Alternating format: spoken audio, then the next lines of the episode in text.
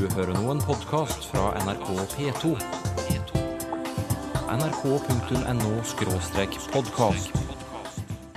Dæven, ass. Du skulle sett det, ass. Han dro den sinnssykt seige kickflipen, ikke sant?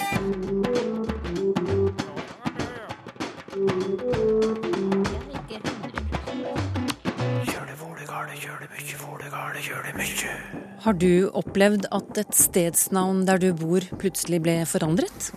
Ja, her står det Stokkhaugen, men på skiltet der borte hvor veien går, står det Stokkanhaugen, som vi pleier å kalle det. Jeg syns det er idiotisk.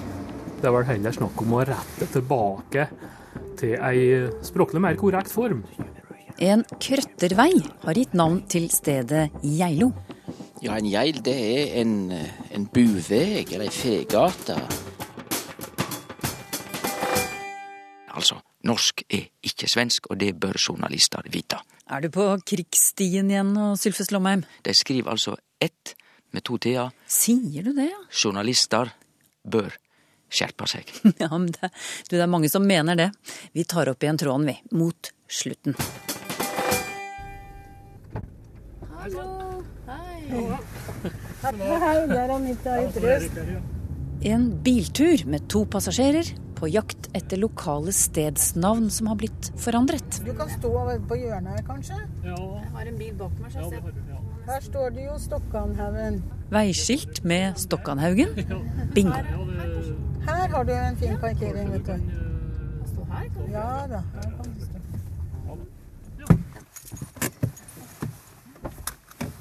Og et skilt med det nye navnet, Stokkhaugen, finner vi i et busskur like ved.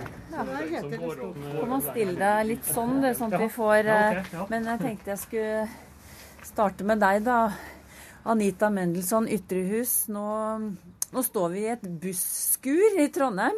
Og bakgrunnen for det er at du har skrevet til Språkteigen. Og så er du litt irritert og oppgitt, og hva er det du vil ta opp? Jo, det begynte jo med det at jeg ville ta opp hvorfor man alltid må forandre så mange stedsnavn som befolkningen bruker, kommer til å bruke og er fortrolige med, og kalle det noe annet som ingen skjønner noe av. Så vi, vi har tatt en liten kjøretur for å finne et eksempel på det du eh, sier. da, og det, Nå er vi i nærheten av eh, et sted som mange kjenner som Stokkanhaugen. Det er et boligfelt i Trondheim kommune. Og det ligger litt sånn landlig til utenfor eh, sentrum. Men hva står det her på det, dette busskiltet her? Ja, her står det Stokkhaugen, men på skiltet der borte hvor veien går, står det Stokkanhaugen, som vi pleier å kalle det. Men Hva syns du at de har gjort om navnet til Stokkhaugen, da? Jeg syns det er idiotisk. Hvorfor det? Jo, fordi at når et navn er godt innarbeidet, det sies alle som bor i området, er kjent i området, og alle som skal hit, de er kjent med Stokkan. Det er jo godt, godt trøndersk navn, det. Nå vet jeg at det er noe som heter Stokkbekken her nede. Men det navnet bruker vi jo ikke så ofte, da. Du, I brevet ditt så spør du hvem er det som finner på dette tullet, og hva er hensikten? Og her har vi en av dem som finner på dette tullet, og det er språkforsker Tor Erik Gjenstad ved NTNU. Vi har hentet deg ut av kontoret ditt på Dragvoll, som er bare et steinkast unna her. Anita Mendelssohn Ytterhus, han Tor Erik Gjenstad, han er medlem av noe som heter Stedsnavntjenesten i Midt-Norge. Det ligger under Språkrådet. Og, og de anbefaler bl.a. stavemåter, da. Og, og, nå har du muligheten. Hva vil du spørre Tor Erik Gjenstad om? Jo, jeg vil spørre deg om uh, hvorfor dere plutselig gjør så mange forandringer. Uh, et eksempel som er vanskelig, det er jo dette med væretrøa, som er blitt til værestrøa. Og vi vet ikke om det er væres pluss trøa, eller om det er være pluss strøa. Ja. Ja.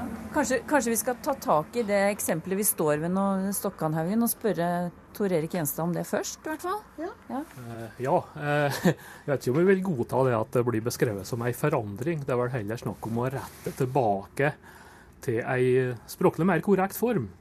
Uh, det var jo nevnt Stokkbekken her, og det er jo vanlig det at når du har et primærnavn med bestemt artikkel, som Stokkan har, så detter den artikkelen bort når du får sammensetninga Du har Froan, og du får Frohavet, og ikke Froanhavet. Og stokk, stokkene, der har du Stokkbekken, som du har nevnt. Du har Stokkåsen, Stokkmyra, Stokkleiva, mange sånne navn. Og faktisk også Stokkhaugen, som er det gamle navnet på gardsbruket i området før det var lagt ut til boligfelt. Og det er registrert så sent som på 80-tallet, og faktisk også Stokkhaugene i flertall om området her. Så det var da det var lagt ut til boligfelt at den forandringa kom. Så det er snakk om å rette opp igjen det, og, eller å velge mellom to alternative former. Så derfor Stokkhaugene, og det er jo en regel da, som vi jobber etter, at uh, du skal bruke den tradisjonelle sammensetningsmåten som uh, den lokale uttalen har. Anita, forsto du den forklaringen på hvorfor Stokkanhaugen har blitt gjort om til Stokkhaugen? Uh, ja, jeg forstår forklaringen, men da har jeg et nytt spørsmål. Hvorfor ble det plutselig Stokkanhaugen da det ble bebygd? Ja, Det vil jeg tro er rett og slett en byråkrat- og planleggerfeil, eh, fordi at de ikke var klar over eh, de faktiske forholdene her i lokalmiljøet, og ikke tok nok hensyn til det. Men her er det altså belagt som Stokkhaug helt tilbake til 1801 som husmannsplass. Så her er det lang tradisjon i forhold til det boligfeltet fra 80-tallet. Men eh, Anita, hva syns du om det prinsippet at man skal eh, se på gamle, altså tradisjonell stavemåte og da rette opp sånne byråkratferder som Tor Erik Gjenstad har fortalt om nå, da, selv om det virker fremmed for dem som bor på disse stedene nå? Ja, men altså, jeg vet ikke om de kommer til å lykkes med at folk plutselig kaller det noe annet. Det vet jeg ikke. Men eh, jeg har inntrykk av, fra det jeg leser i Ordet fritt-spalte osv. i avisen, at eh, folk nå kommer til å si det de er vant til å si. Så hva, hva er da vitsen? Å forandre et stedsnavn, eh, enten det nå er Stokkanhaugen til Stokkhaugen eller Væretrøa til Værestrøa, hvis folk ikke aksepterer disse navnene og ikke vil bruke dem? Ja, nå er jo den, den historiske bevisstheten her er jo kort, og hukommelsen er kort. Så jeg tror nok at hvis det blir ro rundt det her, og det går en generasjon, så vil ikke folk synes det er noe rart verken med Stokkhaugen eller med Værestrøa. Og jeg må jo også si at det er jo et fåtall saker som blir betent på den måten her. 90-95% går helt greit. Og, og, det er jo ikke vond vilje fra vår side. Eh, men det blir jo veldig skjevt framstilt i media. Eh, det blir aldri nevnt, det her kulturvernaspektet og lokalkulturen. Eh, så bildet blir skjevt, og det blir liksom framstilt som overgrep mot den jevne mann. og det, det, er jo litt beklagelig. Og det som er med å piske opp stemninga her rundt enkelte navn. Tor Erik Gjenstad nevner kulturvern. Hvorfor eh, har du ikke sansen for det? Jo, jeg har sansen for kulturvern. Men jeg har den idé at språket skal utvikle seg. Det utvikler seg, det fornyer seg. Og så spretter man da tilbake til gamle former som vi som lever nå, aldri har hørt om. Hun fikk siste ordet, Anita Mendelssohn Ytrehus, som hadde skrevet til oss om lokale stedsnavn som blir endret. Og språkforsker Tor Erik Gjenstad ved NTNU, han er altså medlem av Stedsnavntjenesten for Midt-Norge.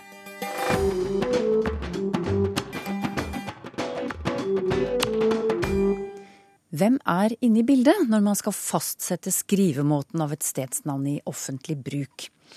I hovedsak er det Kartverket som bestemmer stavemåten, men på kommunale veier og anlegg er det kommunen som avgjør.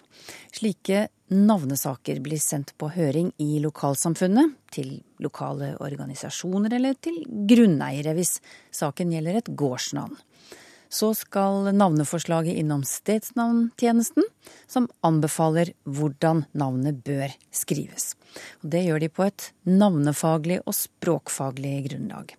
Det er mulig å klage på stedsnavntjenestens anbefaling, og da tar en uavhengig klagenemnd den endelige bestemmelsen. Alt du hører i Språkteigen i dag tar utgangspunkt i brev fra dere lyttere. Stedsnavn med geil i seg, det er tema i en e-post fra Erik Stai. Selv sier han gjel. Jeg er oppvokst i diftongfattige Østerdalen, skriver han. Erik Stai han har flere spørsmål knyttet til geil. Men språkprofessor Inge Særheim, først må du fortelle hva en geil er? Ja, en geil det er en, en buveg eller ei fegate der en jager eller driver kyr og bufe ut ifra fjøset, da, og gjennom innmarka, åker og eng, til beite i beiteområder i utmarka.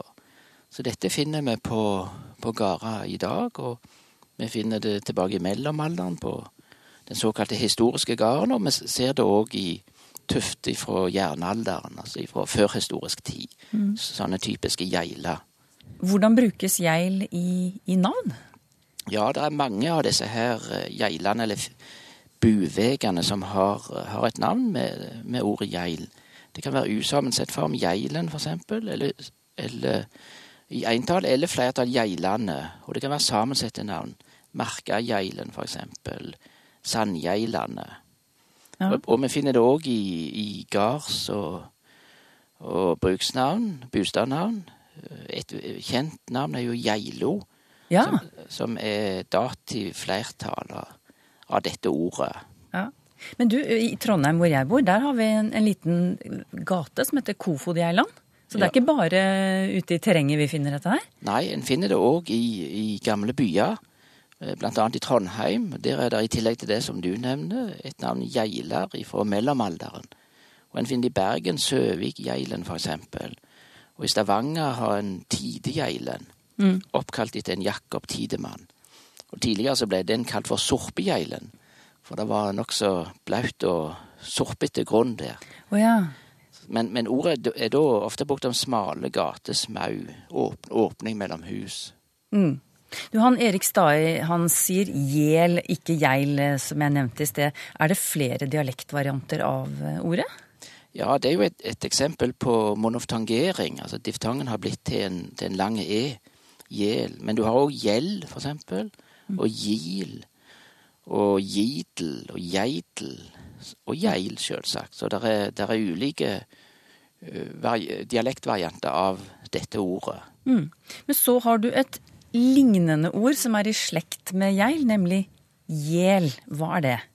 Ja, et gjel, det er ei kløft eller et skar i, i et fjell. Altså fjellskar, fjellkløft. Ofte med en bekk eller elv som, som renner i bunnen av dette.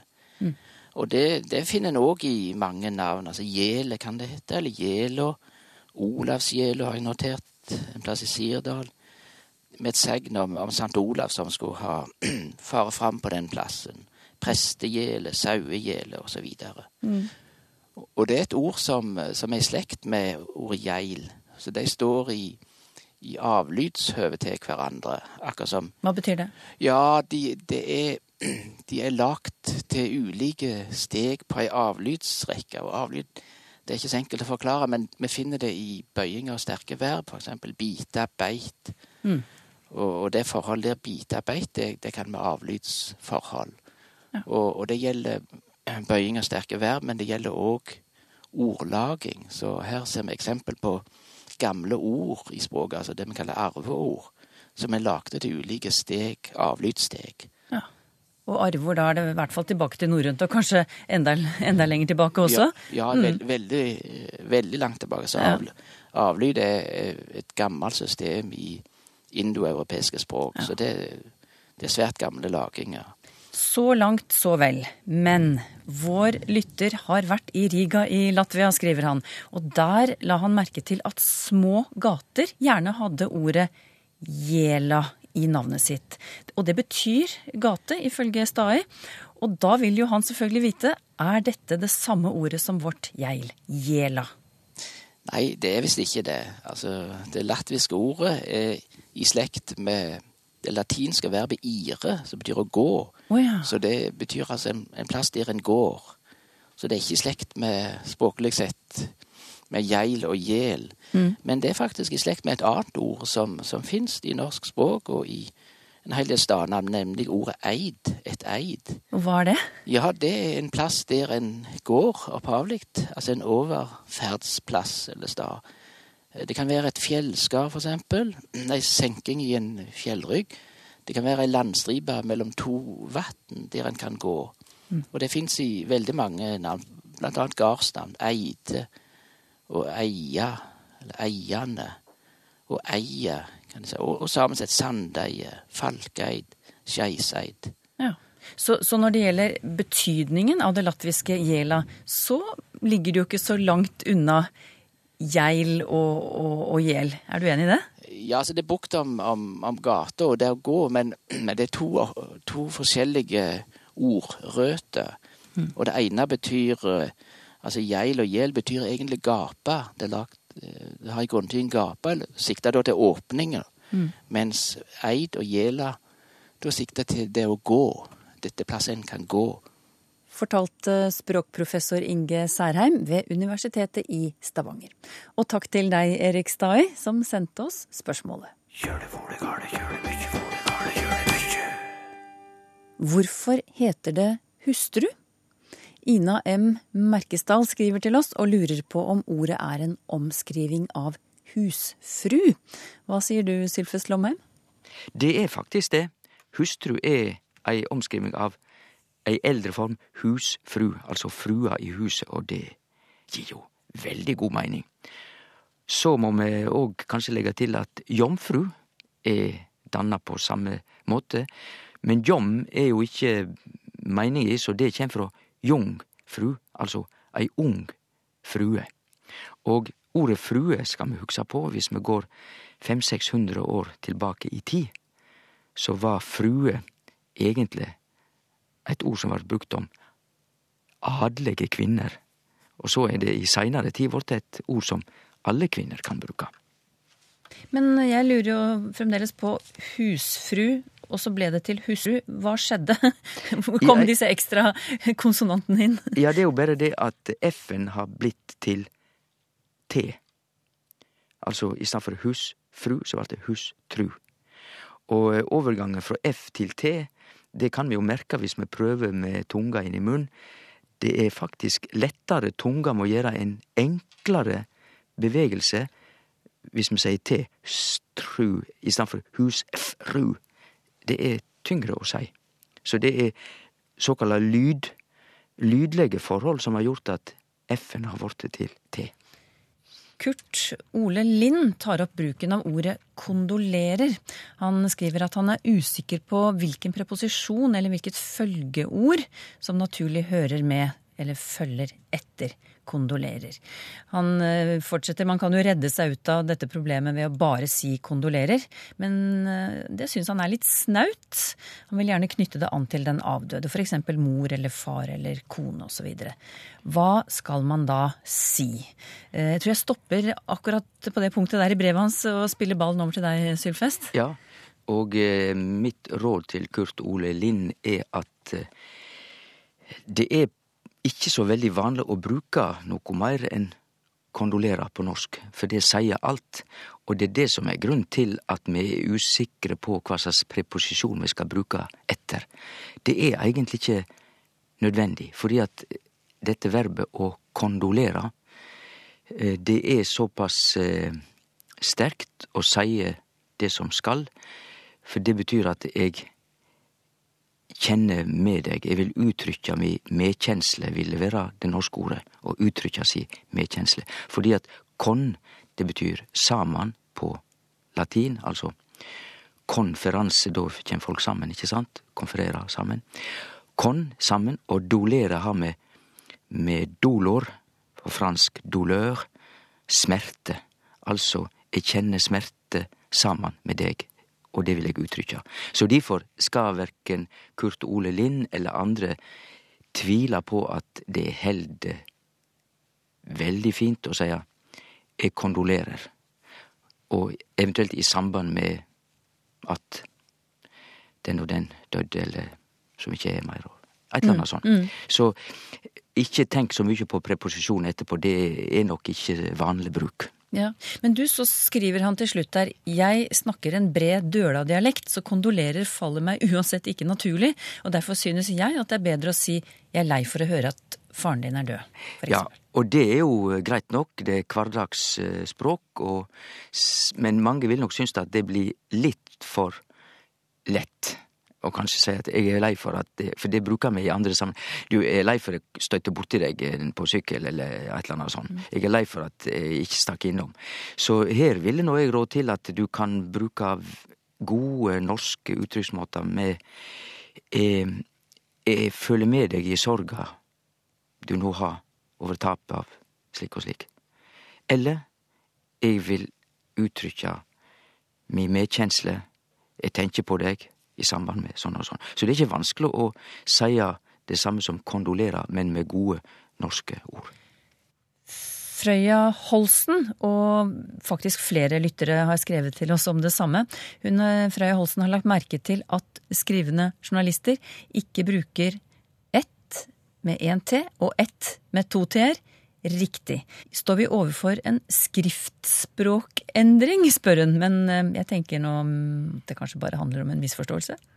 Ja, det er iallfall ikke noe framlegg om at dette skal bli korrekt norsk. Og her er det bare kort å si at journalister bør skjerpe seg.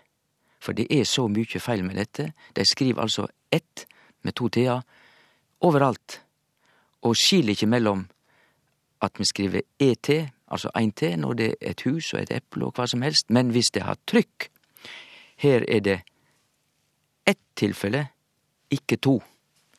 Da skal det være to t-er. Men alt skrives jo fra at på svensk er det annerledes. De skriver ETT, men altså, norsk er ikke svensk, og det bør journalister vite. Hvis ikke så bør de ikke skrive i avisene. Men jeg, jeg bare, siden det er så mye forvirring rundt det her, da tydeligvis har du, du har ikke et par eksempler til for å gjøre det enda tydeligere hvordan det skal brukes? Vi kan gå til politikken. eh, Det er snakk om i Stortinget, og da refererer journalist, og så skriver en journalist ja, dette er et forslag som dreier seg om høyere skatter. Og dette er et forslag, og så skriver jeg et forslag med to t-er. Ett forslag. For hvis en journalist skriver ett med to t-er, så har han skrevet dette er ett forslag, men det finnes kanskje flere av flere. Men det er jo ikke det som står. Dette er et forslag som dreier seg om sånn og sånn. Så feilen er altså at de skriver to t-er uten å tenke seg om, og de bruker det som et vanlig ord for artikkel ved et ikke-kjønnsord. Og det er så feil som det kan bli. Ida Andersen spør er faktisk talt et i gåseøyne ekte uttrykk, eller er det bare en gal måte å si praktisk talt på? Mitt korte svar er at eh, det er feil. Det er en gal måte å si praktisk talt på. Det mener jeg, for dette er sammenblanding av to uttrykk, og alle som følger med i språkbruk veit at det å blande sammen uttrykk, det skjer ofte, det er fort gjort. Men det heiter bare faktisk, og det betyr at noe er sant, det er i samsvar med fakta. Da er det faktisk slik. Og faktisk talt, det baserer seg på et annet uttrykk, nemlig praktisk talt. Altså, da snakker vi rent praktisk. Dette er praktisk talt slik. Andre vil kanskje godkjenne eh, faktisk talt, men der tilhører altså de som mener nei. Det, selv om mange sier det, og mange faktisk skriver det, så vil jeg ikke se på det som korrekt. Her kommer en liten nøtt fra Arild Follestad. Språkforskerne forteller oss at norsk låner flere og flere ord fra andre språk. Disse ordene kaller de også lånord. Men lån er jo lån, så de lånte ordene må leveres uendret tilbake etter bruk. Hvordan har språkforskerne tenkt å samle inn disse ordene fra oss og sende dem tilbake? Og får ikke vi nordmenn et stort problem med alle de ordene vi da vil mangle? Jau. Tygg på den, ja, han liksom tek språkbruken litt i skole, Ari Follestad her, og mener jo at det er ulogisk, for vi låner jo ord, sier vi, men vi gir dem jo ikke tilbake. Trøsta er jo at det er jo slik de omtaler dette fenomenet i alle de språka vi kjenner ut i Europa. På engelsk så snakker de jo om loan words, og på fransk emprunté, altså låne ord. Så dette er den gjengse ordbruken i alle språk om dette fenomenet, å ta inn ord fra andre språk. Marte Taraldrud forteller at hun var på en undersøkelse på sykehuset, og så nå har hun fått et brev om undersøkelsen. Legens notat, skriver hun i parentes. Og legen har brukt ordet upåfallende, og hun lurer på om, om det er et ord. Hun trodde det het lite påfallende og, eller ikke påfallende. Hun synes upåfallende høres rart ut. Jeg må legge til at jeg søkte litt på nettet på akkurat dette ordet upåfallende. Da får jeg treff i flere diskusjonsfora der Folk spør om det samme, rett og slett. De har vært Ja. på sykehuset, fått resultater av en undersøkelse, og så brukes ordet upåfallende, og de lurer på hvordan Mm. de skal tolke det. Og i et av svarene eh, de får, da blir det sagt at jo, dette er eh, vanlig. Altså Mm. Ordet betyr at det er vanlig. Ja. Hva kan du føye til? Nei, det var det er artig dette her. eh, Og det som vi da kan slå fast Hun spør jo Marte Talarud om at upåfallende er dette et ord. Svaret er jo ja, det er helt klart et ord, for det er i bruk. Men jeg vil jo si at eh, det ville være påfallende å bruke upåfallende i vanlig språklig omgang. Altså i vanlig hverdagsspråk og i allmennspråk, og til og med også i avisene.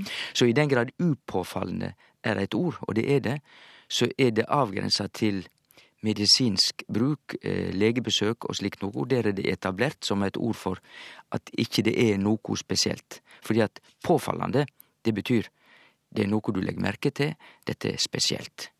Så um, dette er, om ikke et fagord, så er det iallfall fagsjargong innafor medisin. Og jeg vil rå til å si ikke påfallende, for sier du noe annet, så blir det påfallende. Ja, Eller kanskje Det er jo ikke sikkert at alle som får et sånt brev etter en undersøkelse, og det står 'ikke påfallende', det er jo ikke sikkert at de tolker det helt heller. Nei, Kunne man sagt det på en annen måte, så Ja, man er jo- sikker på å bli forstått? hvis det er leger som hører på, så vil jo rå til Mm. at de ikke bruker upåfallende i svar til pasienten. De kan bruke det i journal og slik mellom seg som fagfolk, fordi at upåfallende vil nok de aller fleste språkmedvetne pasienter syns det er litt rart, altså påfallende. Mm. Si, hva kan de si da? Normalt? Eller Ja, eller at det ikke var noe spesielt, at alt så normalt og greit ut. Har du spørsmål til Språkteigen? Skriv til Teigen, krøllalfa nrk.no, eller til Språkteigen, NRK P2, 7005, Trondheim. Så finner du oss også på Twitter og på Facebook. Neste gang handler det annet om bruk av engelsk i norske poptekster. Versene er på norsk, og, og så har vi refrengene, da. For én ting kunne han si, my little sweetheart. Altså, vi får enkeltord og fraser. Språkteigen om en uke.